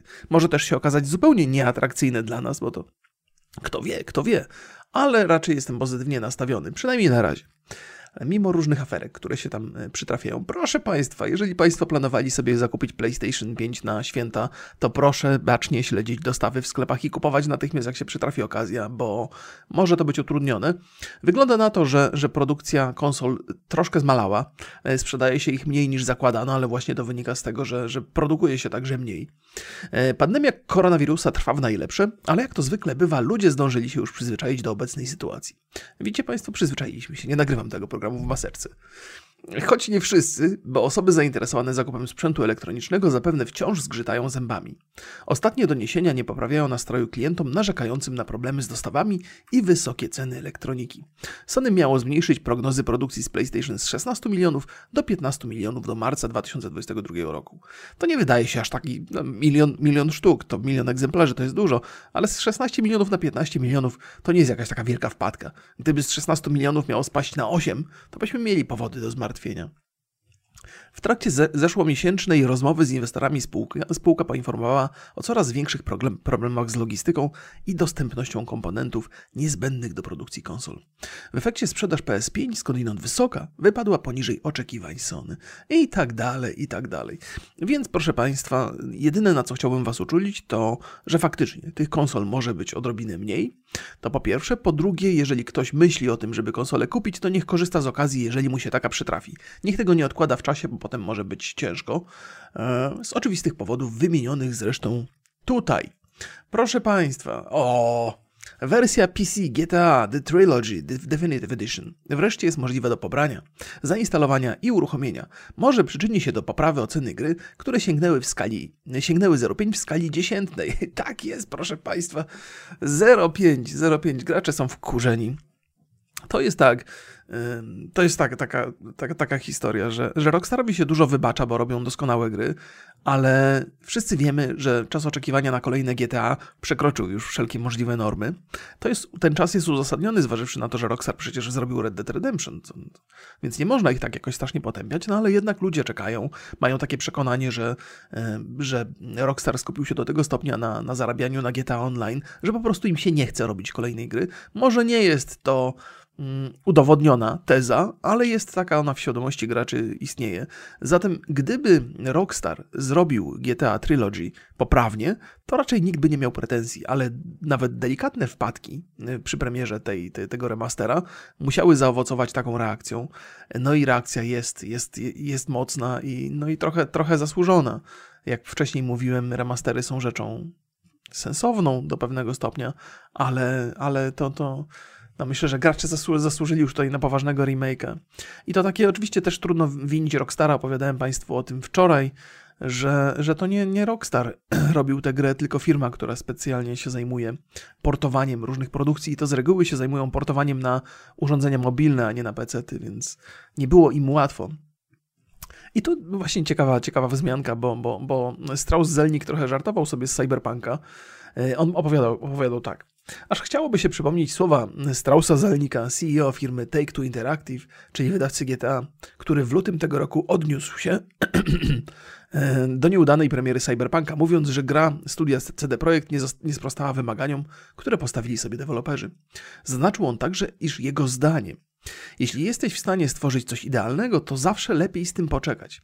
Wszelkie nasze studia dążą do perfekcji. Nie zawsze to się udaje, czasem porażki są bolesne, jednak jest to nasz główny cel. No pe pewnie, że tak. Pewnie można się głaskać po głowie i y, ta wpadka w zasadzie potwierdza y, słowa prezesa, że czasami nie wszystko się udaje. E, to wspaniale, że Rockstar Games wciąż tworzy dodatkową zawartość zarówno do GTA Online, jak i Red Dead, Red, Dead, Red Dead Online. Wiem, że jeżeli coś od nich dostajemy, to znaczy, iż włożyli w projekt dużo pracy i jest on na najwyższym możliwym poziomie. Nie oznacza to, iż kompletnie nie znamy dat premiery, ale wiemy, że za każdym, z każdym produktem będzie... Boże, przepraszam, jakiś Spieszę się, być może niepotrzebnie i przez to czytam jakoś tak dziwnie. Nie oznacza to, iż kompletnie nie znamy dat premiery, ale wiemy, że z każdym produktem będziemy czekać tak długo, aż będzie bliski perfekcji. Okej. Okay. Bo się okazuje, że zdanie jest karkołomne samo w sobie, nawet jak je poprawnie przeczytam. E, by by dopowiedzieć tutaj trochę, trochę historii. Rockstarowi się dostaje za, za trylogię e, GTA, ale prawda jest taka, że istnieje duże prawdopodobieństwo, że oni nie mieli nic wspólnego. Po pierwsze, nie mieli z, samym, samym wykonaniem nic wspólnego. Po drugie, mogli nie mieć nic wspólnego z, z podjętą decyzją na temat wydania tego remastera. No być może oni są zajęci swoimi projektami, trochę robią online, być może robią to GTA kolejne, pracują pewnie cały czas na, na, nad Red Dead Online, więc jakby tutaj mm, gromy, które spadają na głowy Rockstara, być może kompletnie są niezasłużone, przynajmniej jeżeli chodzi o, jeżeli chodzi o, o, o te produkcje. Tak czy inaczej, gra ma jakieś minimalne oceny na, na Metacriticu. I no tak to już jest. No, Metacritic i w ogóle ocenianie tego typu przez graczy często przyjmuje, przyjmuje rolę takiego manifestu, że jeżeli coś się wydarzy złego, to gracze masowo głosują. I podobne, podobnie zresztą bardzo często działo się z lajkami na YouTubie, przeciwko czemu YouTube trochę przeciwdziała. I ja dostrzegam zalety tego rozwiązania, ale też są wady oczywiście. Więc może Metacritic też będzie coś próbował zrobić. Coś tam próbują już. Ale przejdźmy do tego wspomnianego wcześniej Battlefielda. Battlefield 2042 z fatalnymi ocenami wystawionymi przez graczy, proszę Państwa. Do oficjalnej mm, premiery Battlefielda 2042 zostało jeszcze kilka dni, ale osoby, które zakupiły wersję Gold lub Ultimate rozpoczęły zabawę wcześniej, a konkretnie w ubiegły piątek. Ponadto w ramach abonamentu EA Play można zagrać w 10-godzinnego triala. Powoduje to, że wielu graczy miało już okazję wyrobić sobie zdanie na temat najnowszego produktu studia DICE i sądząc po wystawionych przez nich ocenach, produkcji daleko do ideału.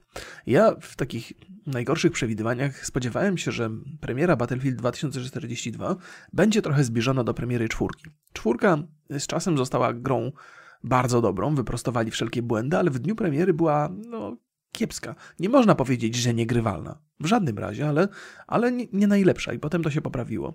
Wygląda na to, że premiera Battlefielda, która swoim, swoją drogą nastąpi za 3 dni, bo 19 listopada i może być jeszcze jakiś wielki patch, który wszystko naprawi, ale ta premiera może być jeszcze gorsza niż Battlefield 4, i jeżeli do tego by doszło, to ja się zastanawiam, jakie intencje za tym stoją, bo to nie ma, nie ma żadnych złudzeń co do tego, że i wydawca, i deweloperzy wiedzą, że gra jest niegotowa i że spotka się z negatywnymi ocenami. Ale i tak to robią, ponieważ to się opłaca. Za chwilę Państwu powiem, w jaki sposób się to opłaca. Jest to niestety niezaprzeczalne, e, ale chyba jesteśmy już na takim etapie, że, że twórcy gry nie tylko wiedzą, że produkt jest niedokończony, ale wiedzą także, że przez to, że jest niedokończony, będą bardzo surowo oceniani po premierze, ale i tak im to nie przeszkadza. To znaczy, ten poziom bezczelności przy wydawaniu gier e, zaczął sięgnąć, sięgać poziomu bezczelności polityków, gdzie się kłamie prosto w oczy, traktując ludzi jak idiotów. Mimo, że oni wszyscy wiedzą tam, że mimo, że ludzie nie są idiotami. I, ale może są, cholera wie. No nie, nie mam pojęcia. To jest, to jest Okej, okay, okej, okay, ale może wszystko będzie dobrze, żeby wszystko było jasne. Może wszystko będzie dobrze, ja oczywiście trzymam kciuki za to, żeby było dobrze. Jak wygląda średnia ocen użytkowników Metacritic dla Battlefielda? 3,9 na 10 dla PlayStation 5, 2,6 na 10 dla PC i Xbox Series XS, 1,6 Xbox One, 0,9 PlayStation 4. No to chyba tak słabo to nie było, ale po raz kolejny podkreślam, że Metacritic stał się trochę narzędziem manifestowania, więc te oceny może należałoby dodać ze dwa punkty, tak? Pomijając frustrację ludzi, bo podejrzewam, że też oceniają negatywnie ludzie, którzy nawet nie tknęli gry, obawiając się tej premiery. Więc no, te, te oceny nie są takie super wiarygodne, ale mimo wszystko coś chyba jest na rzeczy. Zabawne w tym wszystkim jest też to, że recenzenci, to po raz kolejny opowiadałem o tym ostatnio, recenzenci ocenili grę na 80, podczas gdy opinia publiczności jest skrajnie inna. I to jest coś, co często zdarza się, ale głównie w świecie filmów, w świecie stand-upu, gdzie recenzenci z reguły są bardzo negatywnie nastawieni do poczucia humoru, natomiast ludzie je doceniają, to mamy sytuację odwrotną do czynienia, gdzie recenzenci zbudowali swoją opinię na podstawie 10-godzinnego gameplayu, który zresztą został jasno określony przez, przez dewelopera, przez, przez Electronic Arts i byli gotowi wystawić ocenę. I, i, I jakby wiarygodność też dziennikarzy w tej materii jest, jest niska. Opowiadałem o tym ostatnio, że Cyberpunk najwyraźniej niczego nas nie nauczył. E, jak to wygląda dokładnie? Gracze nie narzekają zresztą tylko na błędy techniczne. Wielu z nich krytykuje brak elementów, do których przyzwyczaiła nas ta seria, takich jak stawianie lub wynajmowanie prywatnych serwerów, ręczne wychylanie się z za rogów czy czat głosowy. Niektórzy uważają również, że produkcja została zaprojektowana w taki, a nie inny sposób, aby zmaksymalizować sprzedaż obiektów kosmetycznych. No to nie byłaby właściwie jakaś wielka niespodzianka, jeżeli chodzi o Electronic Arts, prawda? Tam się e, coraz sprawniej ukrywa się ten nacisk na finansowe aspekty e, rozgrywki, natomiast on tam cały czas jest.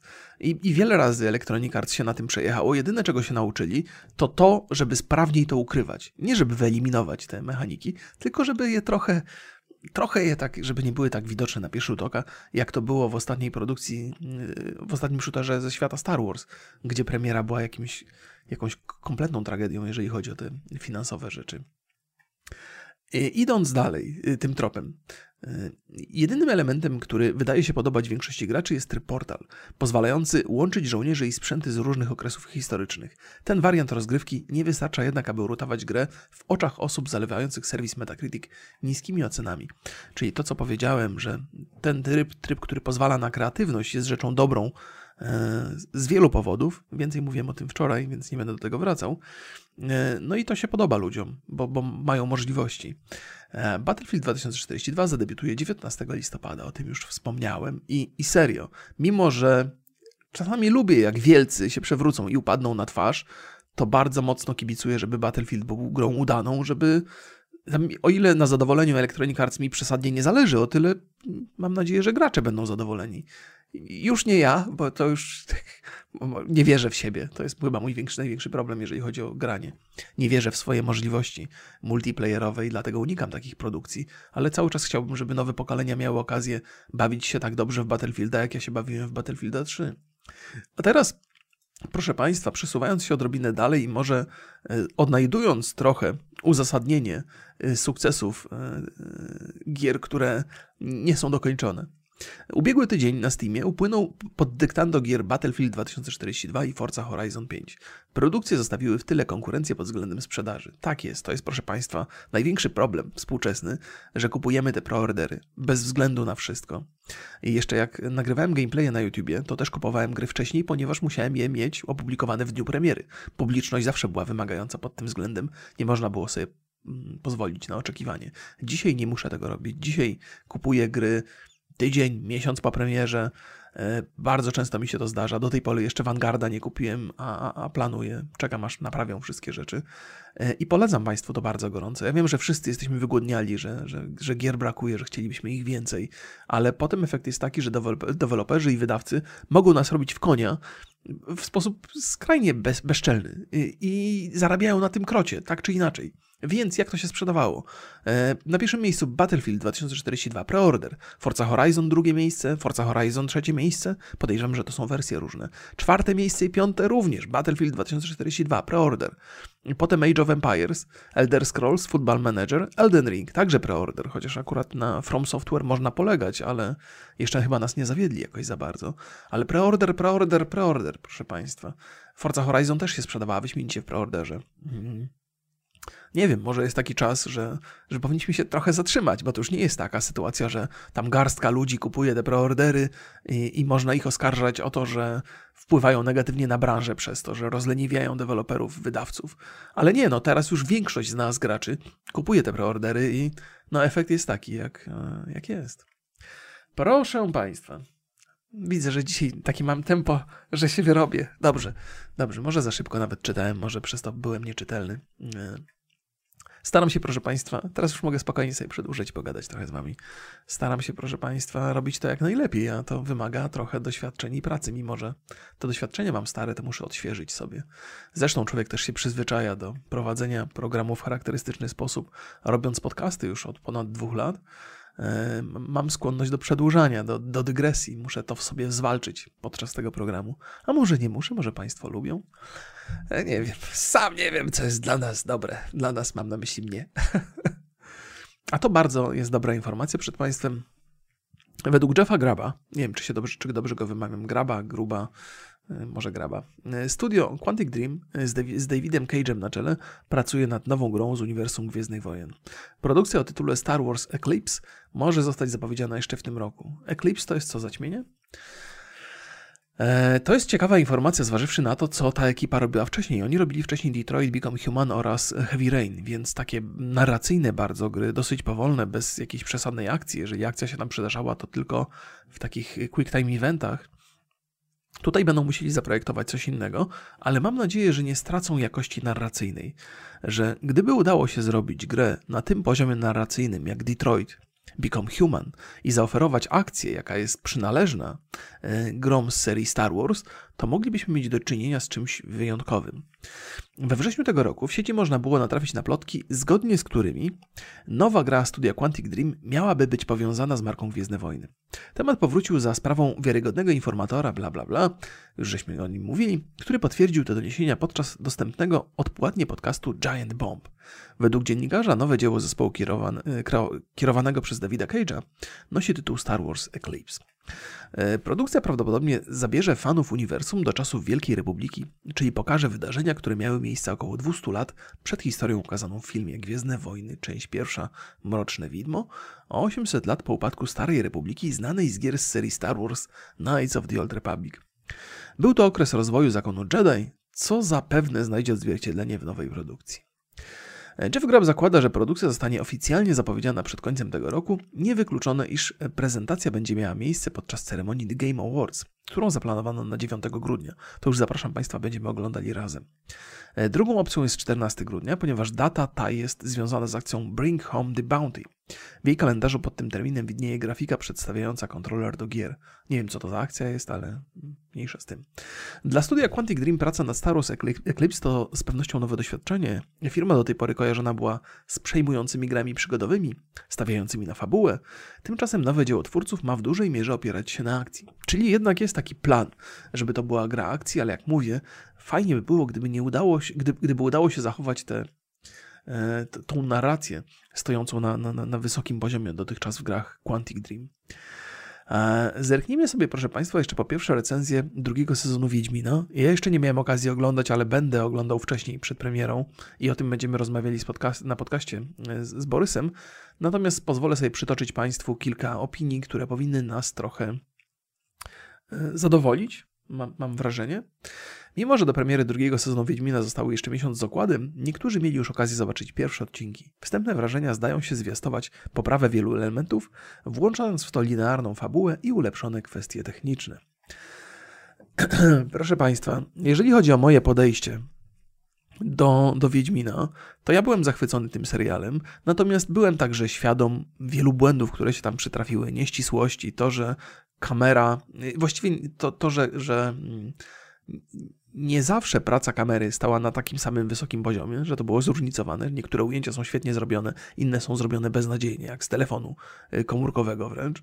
Bardzo był nierówny ten serial technicznie. Efekty specjalne też były takie, można się było do nich przyczepić, ale na przykład rola y, Henry Cavill zdaje się doskonale rozumieć tę postać, albo na tyle dobrze ją interpretować na swój sposób, że uwiarygodnia, Geralta w swój taki własny, charakterystyczny sposób. Robi to bardzo dobrze i myślę, że nadaje temu, mm, temu serialowi kilka punktów dodatkowych, jeżeli chodzi o recenzję.